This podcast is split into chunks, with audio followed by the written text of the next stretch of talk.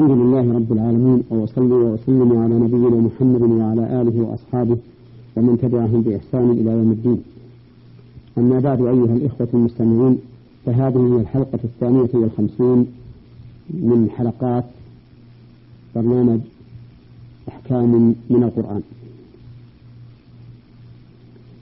يقول الله عز وجل وإذ قال موسى لقومه يا قوم إنكم ظلمتم أنفسكم باتخاذكم العجل. فتوبوا إلى بارئكم فاقتلوا أنفسكم ذلكم خير لكم عند بارئكم فتاب عليكم إنه هو التواب الرحيم. في هذه الآية يذكر الله سبحانه وتعالى عن نبي الله موسى صلى الله عليه وسلم أنه وعظ قومه. هذه الموعظة العظيمة بهذا التلطف العظيم. قال موسى لقومه يا قوم إنكم ظلمتم أنفسكم باتخاذكم العجل وأي ظلم أعظم من أن يتخذ الإنسان مع بارئه وخالقه إلها يعبده فإن هذا أظلم الظلم كما قال الله تعالى إن الشرك لظلم عظيم. فأعظم الظلم أن يجحد الإنسان حق ربه حتى يجعل حقه لغيره فيعبد غير الله مثل ما يعبد الله عز وجل. يقول عليه الصلاة والسلام فتوبوا إلى بارئكم أي ارجعوا إليه من من معصيته إلى طاعته ومن الإشراك به إلى توحيده. فاقتلوا أنفسكم أي ليقتل بعضكم بعضا وإنما عبر بقتل النفس لأن المؤمن أخو المؤمن فكأنه هو نفسه.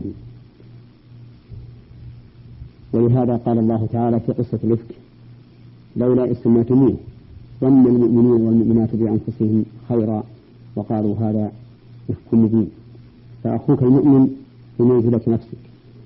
ثم قال موسى صلى الله عليه وسلم ذلكم أي توبتكم إلى الله بقتل أنفسكم خير لكم عند بارئكم. وكل إنسان فإنه يحب أن يكون له الخير عند بارئه تبارك وتعالى لأنه خالقه المدبر له كما يشاء. فلما قتلوا أنفسهم تاب الله عليهم إنه هو التواب الرحيم. في هذه الآية من الفوائد أن موسى صلى الله عليه وسلم ذكر قومه بهذه الفعلة القبيحة وبما من الله عليهم به من التوبة إليه والتوبة عليهم. ومن فوائدها أنه ينبغي للداعية أن يتلطف مع من يدعوه وأن يذكر الألفاظ التي تكون سببا لإقبال المدعو على الداعي وتقبله ما يوجهه إليه من النصيحة لأنه قال لقومه يا قوم! ومن فوائدها أيضا أنه ينبغي لمن ذكر الداء أن يذكر الدواء فإن موسى صلى الله عليه وسلم لما ذكر أنهم ظلموا أنفسهم عرض عليهم الدواء بالتوبة إلى الله عز وجل. وهكذا ينبغي للداعية إذا ذكر الداء والأمراض الأمراض الدينية التي في المجتمع أن يذكر لهم الدواء وطريق الخلاص منها حتى يجمع بين الأمرين.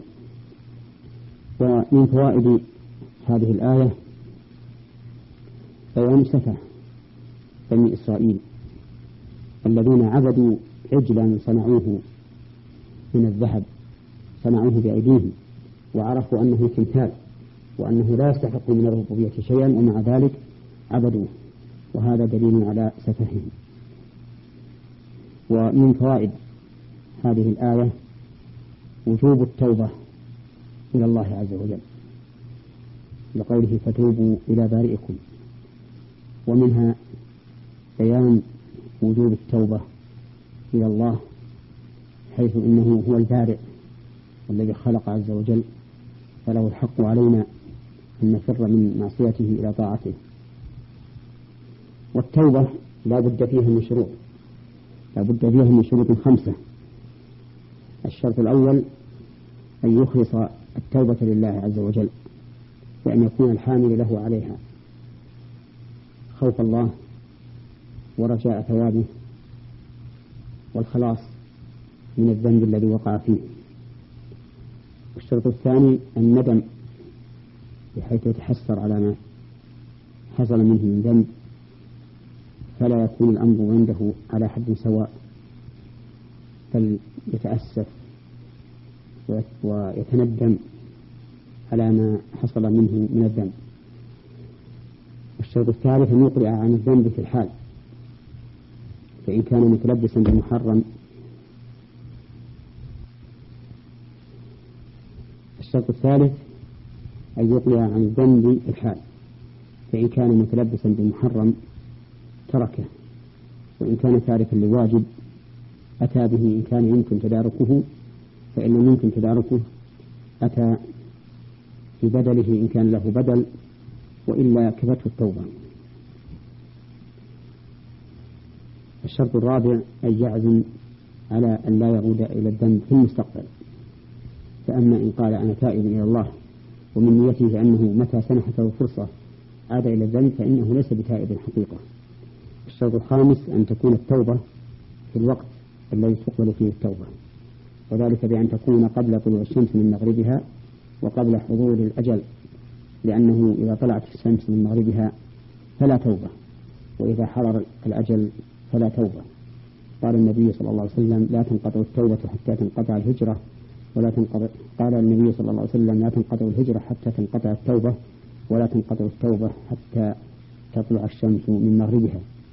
وقال الله تعالى وليست التوبة للذين يعملون السيئات حتى إذا حضر أحدهم الموت. قال إني تبت الآن ولا الذين يموتون وهم كفار.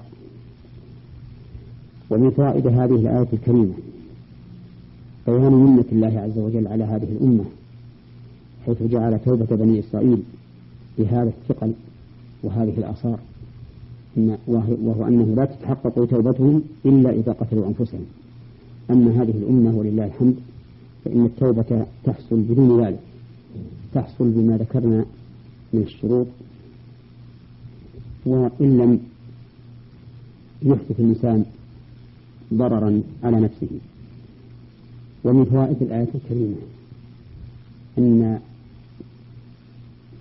الإقلاع عن الذنب والتوبة إلى الله إلى الله منه خير من الاستمرار عليه بل قد يكون الإنسان بعد التوبة خيرا منه قبلها. أي أن الإنسان إذا أذنب ثم تاب إلى الله فإنه قد تكون حاله بعد التوبة من هذا الذنب خيرا من حاله قبل أن يذنب. ألم تر إلى آدم عليه الصلاة والسلام حين أكل من الشجرة؟ قال الله تعالى في حقه وعصى آدم ربه فغوى ثم اجتباه ربه فتاب عليه وهدى فحصل له الاجتباء والهداية بعد أن تاب من تلك المعصية. ومن فوائد هذه الآية الكريمة بيان منة الله على عباده حيث يقبل منه التوبة إذا صدقوا الله تعالى في التوبة. ولهذا لما صدق بنو إسرائيل التوبة وقتلوا أنفسهم تاب الله عليهم. فتاب عليكم أي قبل توبتهم وعفى عنهم. ومن فوائد هذه الآية الكريمة إثبات هذين الاسمين الكريمين وهما التواب الرحيم. وأن من مقتضاهما أن يتوب الله سبحانه وتعالى على من تاب ويرحمه. والتواب كثير التوبة على عباده.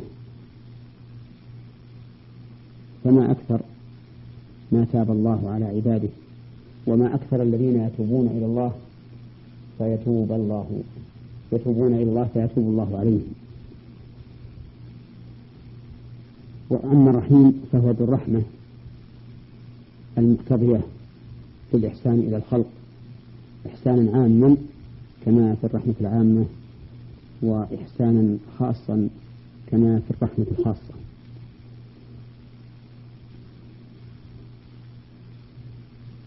واعلم أن الرحمة تنقسم إلى قسمين رحمة عامة ورحمة خاصة. فالعامة هي الشاملة لكل الخلق مؤمنهم وكافرهم برهم وفاجرهم. والرحمة الخاصة والرحمة الخاصة هي الرحمة للمؤمنين كما قال الله تعالى وكان للمؤمنين رحيما وهذه رحمة خاصة تتصل بها سعادة الدنيا والآخرة. نسأل الله تعالى أن يعمنا جميعا برحمته وأن يتوب علينا من ذنوبنا وأن يحسن لنا العاقبة. إنه جواد كريم. وإلى حلقة قادمة إن شاء الله. والسلام عليكم ورحمة الله وبركاته.